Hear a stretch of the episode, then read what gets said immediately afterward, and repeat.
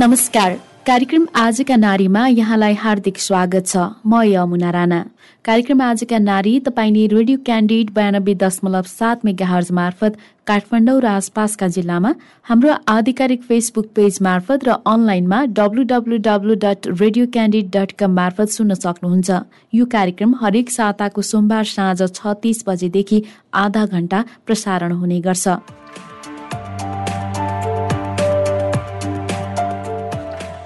कार्यक्रम आजका नारीमा हामी महिलाहरूको हरेक पक्षका बारेमा समेट्ने प्रयास गर्छौँ। महिलाहरूको आजको अवस्था उनीहरूको समस्या सङ्घर्ष चुनौती उनीहरूको सफलताको कथा महिलासँग सम्बन्धित विभिन्न घटना र समस्या समाधानको उपायका बारेमा पनि कुराकानी र सामग्रीहरू राख्ने गर्छौँ।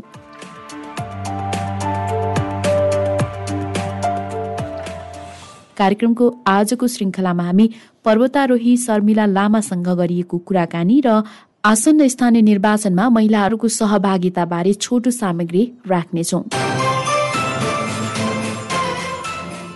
श्रोता पितृसत्तात्मक व्यवस्थाको गहिरो तुस रहेको हाम्रो नेपाली समाजमा महिलाहरूलाई अझै पनि प्रमुख भूमिकामा पुगेको कमै देखिन्छ। लामो समय गृहिणी र घरभित्री रहेका महिलाहरू पछिल्लो समय भने केहीले घरभन्दा बाहिर निस्किएर सङ्घर्ष गरिरहेका छन् कोहीले सफलता पाएका छन् भने कोही सङ्घर्षरत छन्। अलि अघिसम्म घरबाहेक अन्य बाहिरी क्रियाकलापमा आबद्ध गराउन असहज मान्ने नेपाली समाज बिस्तारै परिवर्तन हुँदैछ। छोरीहरूलाई पनि शिक्षामा जोड दिन थालिएको छ।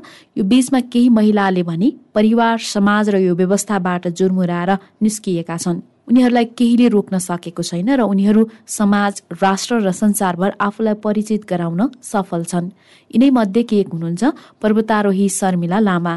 उहाँ काभ्रे प्लान्चोकको रोसी गाउँपालिकाको भीमखोरीमा जन्मनु भएको हो। सानै उमेरदेखि हिमाल चढ्ने सपना बोक्नु भएको उहाँले अहिलेसम्म विश्वका सर्वोच्च शिखर सगरमाथा सहित सातवटा हिमाल आरोहण गरिसक्नु भएको छ। विभिन्न घरायसी समस्या र बाधाहरू बीच पनि सङ्घर्ष गरी उहाँ निरन्तर पर्वत आरोहण गर्ने कार्यमा लागिरहनु भएको छ। नेपाली समाजमा रहेको कुरीति र कुसंस्कारको अन्त्यको लागि महिलाको आवाजहरू हिमालबाट नै उठाउनुपर्छ भन्ने सोच दिई उहाँ चौध हिमाल आरोहण अर्थात् फोर्टिन पेक एक्सपेडिसन अभियानमा हुनुहुन्छ। उहाँ हिमालसँग सामिप्यता गाँसेर आफ्नो जिन्दगी नै हिमाल रहेको बताउनुहुन्छ।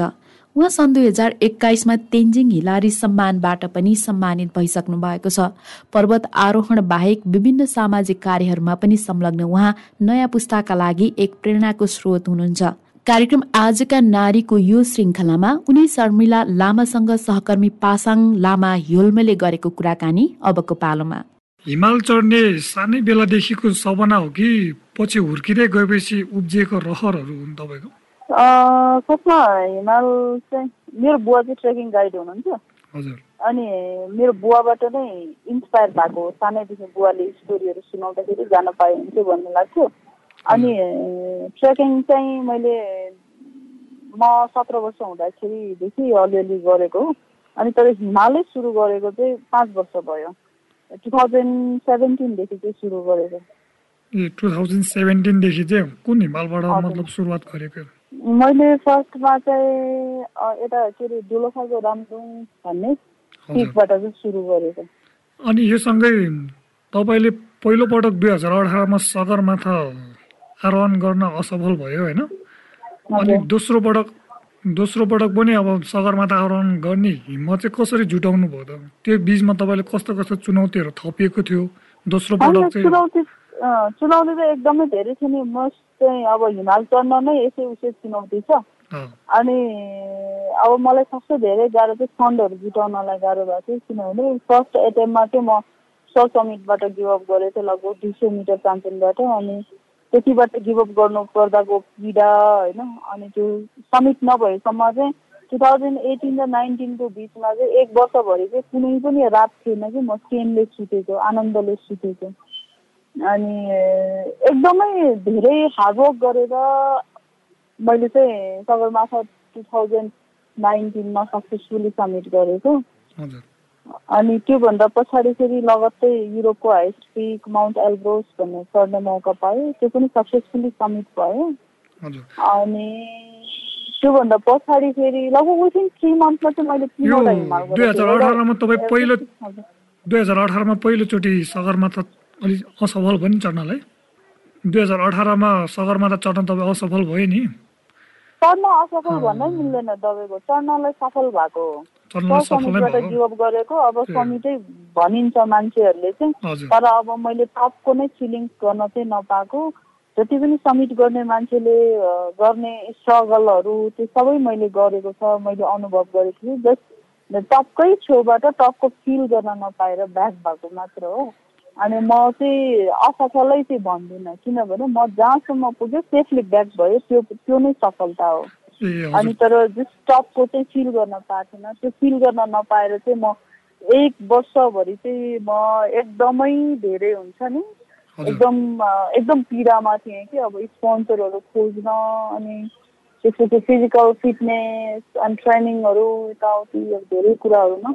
यो मिसन चौध हिमालय रन भनेको छ नि फोर्टिन पिक एक्सपेक्टेसन यो सोचको सुरुवात चाहिँ तपाईँको सगरमाथा आरोहण भइसकेपछिको सोच हो कि या त्योभन्दा अगाडिदेखि नै सोच थियो तपाईँलाई होइन त्योभन्दा पछाडिको हो। तपाईँको म चाहिँ त्यो नाइन्टिनमा नै युरोपको हाई स्पिड चढिसकेपछि काठमाडौँ ब्याक भयो काठमाडौँ ब्याक भएर अनि यता मनास्लु चाहिँ मैले विथिन नाइन डेजमा चाहिँ सक्सेसफुली सब्मिट गरेँ। अनि त्यस पछाडि चाहिँ मलाई फिल भयो कि हिमालमा मेरो बडी चाहिँ फिट छ। अनि मैले चाहिँ म भित्रका कुराहरू नेपाली समाजको चाहिँ कुरीति विकृतिहरूको अन्त्यको लागि चाहिँ मेरो आवाजहरू स्पेसली नेपाली महिलाको आवाजहरू चाहिँ यी हिमालबाट नै उठाउनुपर्छ भन्ने तरिकाको मलाई फिल भयो। अनि त्यस पछाडि चाहिँ मैले गुगल सर्च गरेर वर्ल्डमा चाहिँ अहिलेसम्म सक्सेसफुल्ली फोर्टिन क्लिक गरेको महिलाहरू चाहिँ कतिजना छ भनेर मैले चेक गरेँ। अनि त्यो गर्दाखेरि चाहिँ जम्मा दुईजना रहेछ। एकजना स्पेनिस एकजना अस्ट्रेलियन अनि त्यस पछाडि चाहिँ अनि म चाहिँ फोर्टिन क्लिक गर्छु भनेर अनि मैले त्यहाँदेखि चाहिँ क्याम्पेन सुरु गरेको। यो विश्वको अब आठ हजारभन्दा माथिको हिमाल आरोहण गर्न त आर्थिक हिसाबले पनि निकै धनराशि खर्च हुन्छ नि त होइन? यसलाई कसरी व्यवस्थापन गर्नुहुन्छ गर्दै हुनुहुन्छ? मैले गत वर्षको स्प्रिङमा चाहिँ अन्नपूर्णमा चाहिँ मलाई एकजना दिदी हुनुहुन्थ्यो। उहाँ दिदी लगायत केही व्यक्तित्वहरूले गर्नुभएको अनि लोचेमा चाहिँ मेरो कजन दाईले गर्नुभएको स्पोन्सर यस्तै यताउतिबाट आफ्नो मान्छेहरूबाट साथी सर्कलबाटै सन्डिङ गरेर गरेको। अनि अब मैले लास्ट इयर स्कुलमा एट थाउजन्ड दुईवटा विथिन थर्टी थ्री डेजमा चाहिँ सक्सेसफुली सब्मिट गरेँ होइन। अनि अहिले म कञ्चनजङ्घा जाँदैछु। यो कञ्चनजङ्घाको लागि चाहिँ मलाई तिनवटा लोकल गभर्मेन्टले चाहिँ फाइभ लाख फिफ्टी थाउजन्ड रुपियाँ चाहिँ स्पोन्सर गर्नुभएको छ। बाँकी चाहिँ मैले पर्सनल्ली फन्डिङ गर्दैछु। जसले मलाई चिन्नुहुन्छ अनि एक दुईवटा प्राइभेट कम्पनीहरू नै छ अनि त्यसरी म्यानेज गर्दैछु। गाह्रो त एकदमै धेरै गाह्रो छ फन्डिङ गर्नको लागि। अब यो अभियानमा तपाईँ निरन्तर लागिराख्नु भएको छ होइन? अनि यो नेपाल र अन्य देशमा भएको पर्वतहरू आरोहण गर्दा चाहिँ नीतिगत रूपमा या अन्य पाटोहरूमा आउने चुनौती अप्ठ्याराहरू के कस्तो फरक देखिन्छ? त मलाई चाहिँ लाग्छ अब चुनौती त हिमाल चढ्नु नै चुनौती हो। अनि त्योभन्दा अगाडिको चुनौती चाहिँ फाइनेन्सियल म्यानेजमेन्ट गर्न एकदमै धेरै चुनौती। अब नेपालको हिमाल दस बाह्र लाख पन्ध्र लाखसम्ममा चढ्न सकिन्छ।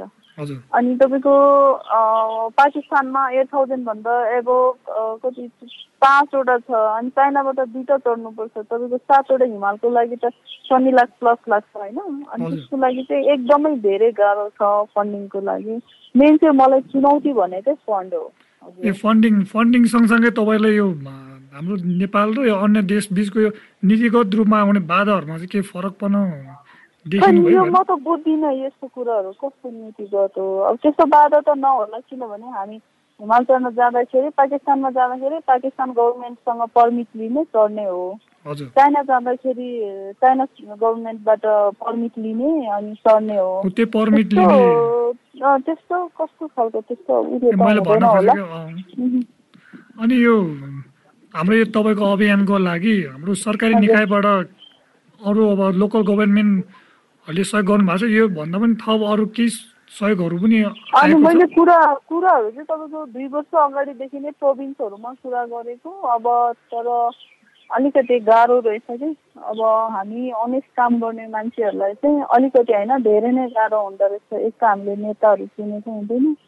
अर्को कुरा कतै कतैबाट कनेक्सन मिलाएर गयो भने पनि तपाईँको यो टुरिज्मको कुराहरू चाहिँ हाम्रो पार्लिमेन्ट लेभलको मिनिस्ट्री लेभलको मान्छेहरूले चाहिँ नबुझ्दो रहेछ कि। हिमाल चढेर नि नेपालको पर्यटन प्रवर्धन हुन्छ र भन्ने खालको क्वेसनहरू गर्नुहुन्छ।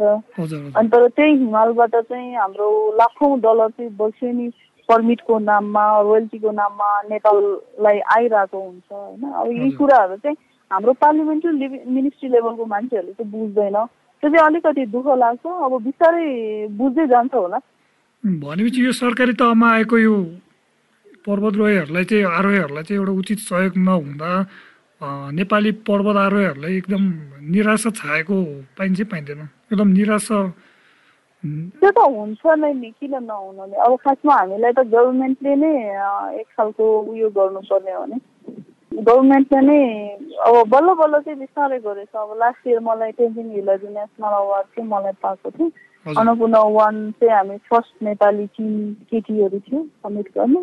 अनि त्योबाट चाहिँ फर्किने बित्तिकै मैले लगभग थर्टी थ्री डेजमा चाहिँ यता लोड गरेको थिएँ समिट अनि अब बिस्तारै बुझ्दैछ होला गभर्मेन्ट लेभलको मान्छेहरूले। तपाईँको यस अभियानले देश र समाजमा कसरी टेवा पुऱ्याउँछ जस्तो लाग्छ अब मेरो मेन गोल भनेको चाहिँ वुमेनहरूलाई इन्करेज गर्ने एउटा कुरा। अनि अर्को कुरा चाहिँ नेपालको प्राकृतिक रिसोर्सेसहरूलाई चाहिँ इन्टरनेसनली एक्सपोज गर्ने अब कसरी गर्ने भन्दाखेरि चाहिँ फोर्टिन सिकै गरेर गर्ने चाहिँ मेरो प्लानिङ हो होइन? अब यसको इफेक्ट कतिको पर्छ मैले कतिको गर्न सक्छु भन्ने कुरा चाहिँ त्यो चाहिँ स्पोन्सरमा डिपेन्ड हुन्छ होइन? अब मैले फन्ड पाएँ भने मैले छिटै नै गर्न सक्छु होला। फन्ड पाएन भने गाह्रो हुन्छ नि त। हजुर। अनि यो एउटा महिला पर्वत आरोहीले होइन हिमाल आरोहण गर्दा पुरुषको दाँजोमा चाहिँ कस्तो कस्तो चुनौतीहरू सामना गर्नुपर्ने जस्तो देखिन्छ? तपाईँको हिमालले महिला पुरुष भनेर छुट्याउँदैन। हिमालमा जति पुरुषले गरेको छ महिलाले पनि त्यति नै गर्नुपर्छ होइन? अनि यस हिमालले चाहिँ तिमी महिला हो तिमी चाहिँ म चाहिँ आज सिङ्गल मदर पनि हो। अनि तिमी महिला हो तिमी भर्ताको आमा हो तिमीलाई चाहिँ छुट्छ भनेर प्रकृतिले नेभर कहिले पनि भन्दैन होइन? सामाजिक रूपमा पनि एउटा हुन्छ नि धारणाहरू अब सामाजिक सामाजिक रूपमा त अलिकति गाह्रो त गाह्रो नै हुन्छ। मेन त अब मैले त यो हिमालमा आउनको लागि चाहिँ एउटा खालको घरैबाट क्रान्ति गरेर निस्केको हो होइन? म भित्रको म खोज्दा खोज्दै नै म हिमालतिर ठोकिन पुगेको हो। अनि अब त्यही भएर गाह्रो त अभियसली गाह्रो हुन्छ महिलाहरूलाई पुरुषको दागोमा किनभने हाम्रो समाज पुस्तौँदेखि चाहिँ अब एकदमै पितृ सोचको चाहिँ बिल्ड भएको छ नि त हाम्रो कम्युनिटीमा हाम्रो घर परिवारमा होइन? अनि अब गाह्रो त गाह्रो छ। तर अब गाह्रो छ भनेर ब्याक हुने कुरा नै आउँदैन। अब हाम्रो जेनेरेसनले मेरो जेनेरेसनले गरेन भने कसले गर्छ भन्ने कुरा नै हो। अनि यस बाहेक तपाईँले पर्वत आरोहण बाहेक अरू केही ऊर्जाशील कार्यहरू पनि के सोच्नु भएको छ? के गर्दै हुनुहुन्छ? अब मैले चाहिँ मेरो चाहिँ म चाहिँ आफू पर्सनल सर्भाइभ हुनको लागि चाहिँ लकडाउन पछाडिदेखि चाहिँ मैले कफी सप चलाएको छ होइन। अनि योबाट पनि मैले गर्न सक्नेहरू चाहिँ जस्तै अवेरनेसको कुराहरू भयो होइन। मैले लास्ट इयर चाहिँ दसजना महिलाहरूलाई चाहिँ वुमेन्स डेको अवसरमा चाहिँ आफैले बारिस्ता ट्रेनिङ दिएँ। त्यस पछाडि मेरो साथी र म मिलेर त्यो चेन्जिङ हिलरी नेसनल अवार्डबाट पाएको पैसाले नै फेरि सातजना महिलाहरूलाई बारिस्ता ट्रेनिङ दिएँ। ट्रेनिङ दिएर मात्र नभएर काममा पनि लगाइदिएँ होइन। आफूले गर्न सक्ने चाहिँ गरिरहेको छु त्यो बाहेक अब मैले चाहिँ मेरो आफ्नै गाउँमा चाहिँ लगभग हन्ड्रेड ओभर आमाहरूलाई चाहिँ बेसिक बौद्ध शिक्षा कोर्सहरू त्योहरू गरिरहेको छु होइन। अनि इन्करेज भनेको चाहिँ अब अवेरनेस भनेको चाहिँ अब हामीले कुन क्षेत्रमा कसरी गर्न सक्छ गर्नुपर्छ। अब हामी नेपाली युवाहरूमा चाहिँ कस्तो खालको सोच छ भने म पढाइ सघाउँछु म चाहिँ एउटा बिजनेसमा लाग्छु इस्टाब्लिस हुन्छु बल्ल त्यो सोसल गर्छु भन्ने खालको सोच छ होइन। अनि तर त्यो सोचेर चाहिँ हुँदैन। अब आफ्नो करियर मेरो क्लाइम्बिङ करियर मेरो आफ्नो सानो बहिनी व्यवसाय होइन मेरो सोसल वर्क यो सबै चाहिँ मैले मेन्टेन गर्दै बिस्तारै अगाडि बढाइरहेको छु। हजुर अन्त्यमा तपाईँ एक हिम्मतवाली साहसी र सफल हिमाल हिसाबले होइन? तपाईँ जस्तै अगाडि बढ्न चाहने महिला दिदीबहिनीहरू सम्पूर्णमा के भन्न चाहनुहुन्छ? तपाईँलाई बाधा अडचनहरू त नआउने भन्ने होइन होइन? घरैदेखि नै हाम्रो मेन त फर्स्टली त हाम्रो घरैबाट सुरु हुन्छ कि? अब तिमीले आफूले गरेको कामलाई चाहिँ यो नगर त्यो नगर थुनछेकको लागि होइन? ती कुराहरूलाई चाहिँ तपाईँ तपाईँ गर्न अनेस्टली गर्न चाहनु नै हुन्छ भने चाहिँ तपाईँको आफ्नो मनको कुरा सुन्नुहोस् अनि अरू सोसाइटीको कुरा तपाईँको अरू मान्छेको कुरा तपाईँको रिलेटिभ्सको कुराहरू नसुन्नुहोस् तपाईँको मनले जे भन्छ त्यही गर्नुहोस्। अनि अब सक्सेस भन्ने कुरा त अभियसली भइहाल्छ जस्तो लाग्छ मलाई चाहिँ समय दिनुभएकोमा धेरै धेरै धन्यवाद। थ्याङ्क यू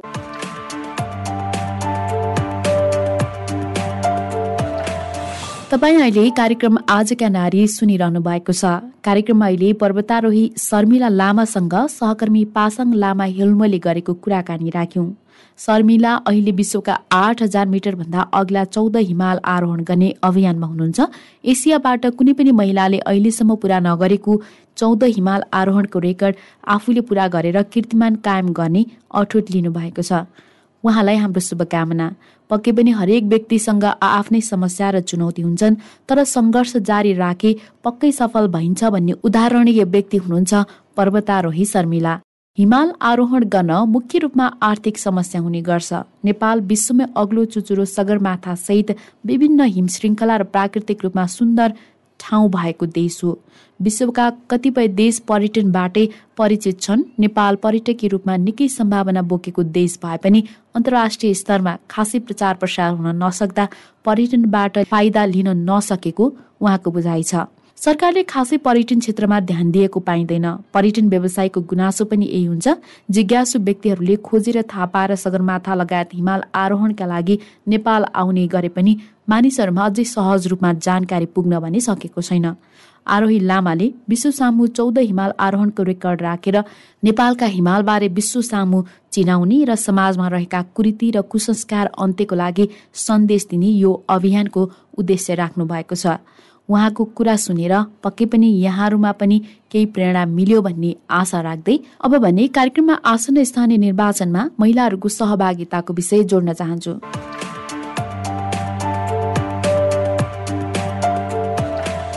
श्रोता यसअघिको स्थानीय निर्वाचनमा प्राय सबै स्थानीय पालिकाहरूको प्रमुखमा पुरुष निर्वाचित थिए। सात सय त्रिपन्न मध्ये जम्मा अठार स्थानमा मात्रै महिला प्रमुख भए। संविधानले स्थानीय सरकारको प्रमुख र उपप्रमुख मध्ये एकजना महिला हुनुपर्ने व्यवस्था गरेकोले पनि धेरै महिलाहरूले उपप्रमुखको रूपमा भए पनि काम गर्ने अवसर पाएका हुन्। तर समानता र महिला हकितको मुक्तिको नारा बोक्ने राजनैतिक दलहरूमा अघिपछि जतिसुकै नारा लगाए पनि निर्वाचन आउँदा भने पुरुषकै हालीमुहाली हुने गर्छ। निर्वाचन नजिकै गर्दा सत्ता गठबन्धन पाँच दलले आवश्यकता अनुसार चुनावी तालमेल गर्ने निर्णय गरिसकेका छन्।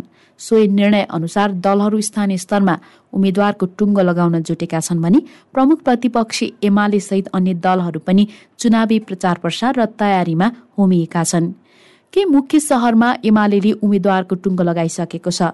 नेकपा एमाले अहिलेसम्म भरतपुर महानगरपालिका र ललितपुर महानगरपालिका लगायतका ठाउँमा उम्मेद्वारको टुङ्गो लगाइसकेको छ भने नेपालगञ्ज गोदावरी विराटनगर लगायतका ठाउँमा आकांक्षी धेरै हुँदा पुरुषहरू नै सिफारिस गरिएको छ। गठबन्धनले भने उम्मेद्वार टुङ्गो लगाइसकेको छैन तर गठबन्धन दलका चर्चामा आएका उम्मेद्वार हेर्दा महिलाहरू फेरि पनि उपप्रमुखमै सीमित हुने देखिन्छन्। यता मुलुककै राजधानी काठमाडौँमा पनि विभिन्न व्यक्तिहरूको उम्मेद्वार बन्ने चर्चा छ। यस्तोमा विवेकशील साझा पार्टीले भने प्रमुख र उपप्रमुख दुवै पदमा महिला उम्मेद्वारको घोषणा गरेको छ। विवेकशील साझाले काठमाडौँ महानगरपालिकाको मेयरमा समीक्षा बासकोटा र उपमेयरमा कृति तुलाधरलाई उम्मेद्वार बनाउने घोषणा गरेको हो। समाजमा पछि पारिएका जुनसुकै जात जाति र महिलालाई नेतृत्वमा ल्याउन सके मात्रै उनीहरूको हक अधिकार सुनिश्चित हुने भनिए पनि एकाध बाहेक त्यसो हुन सकेको छैन।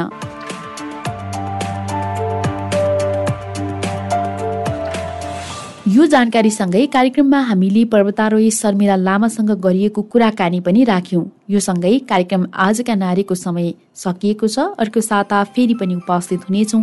आजलाई भने कार्यक्रम उत्पादनमा सहयोग गर्नुहुने सम्पूर्ण टिमसहित म यमुना राणा पनि बिदा हुन्छु। नमस्कार।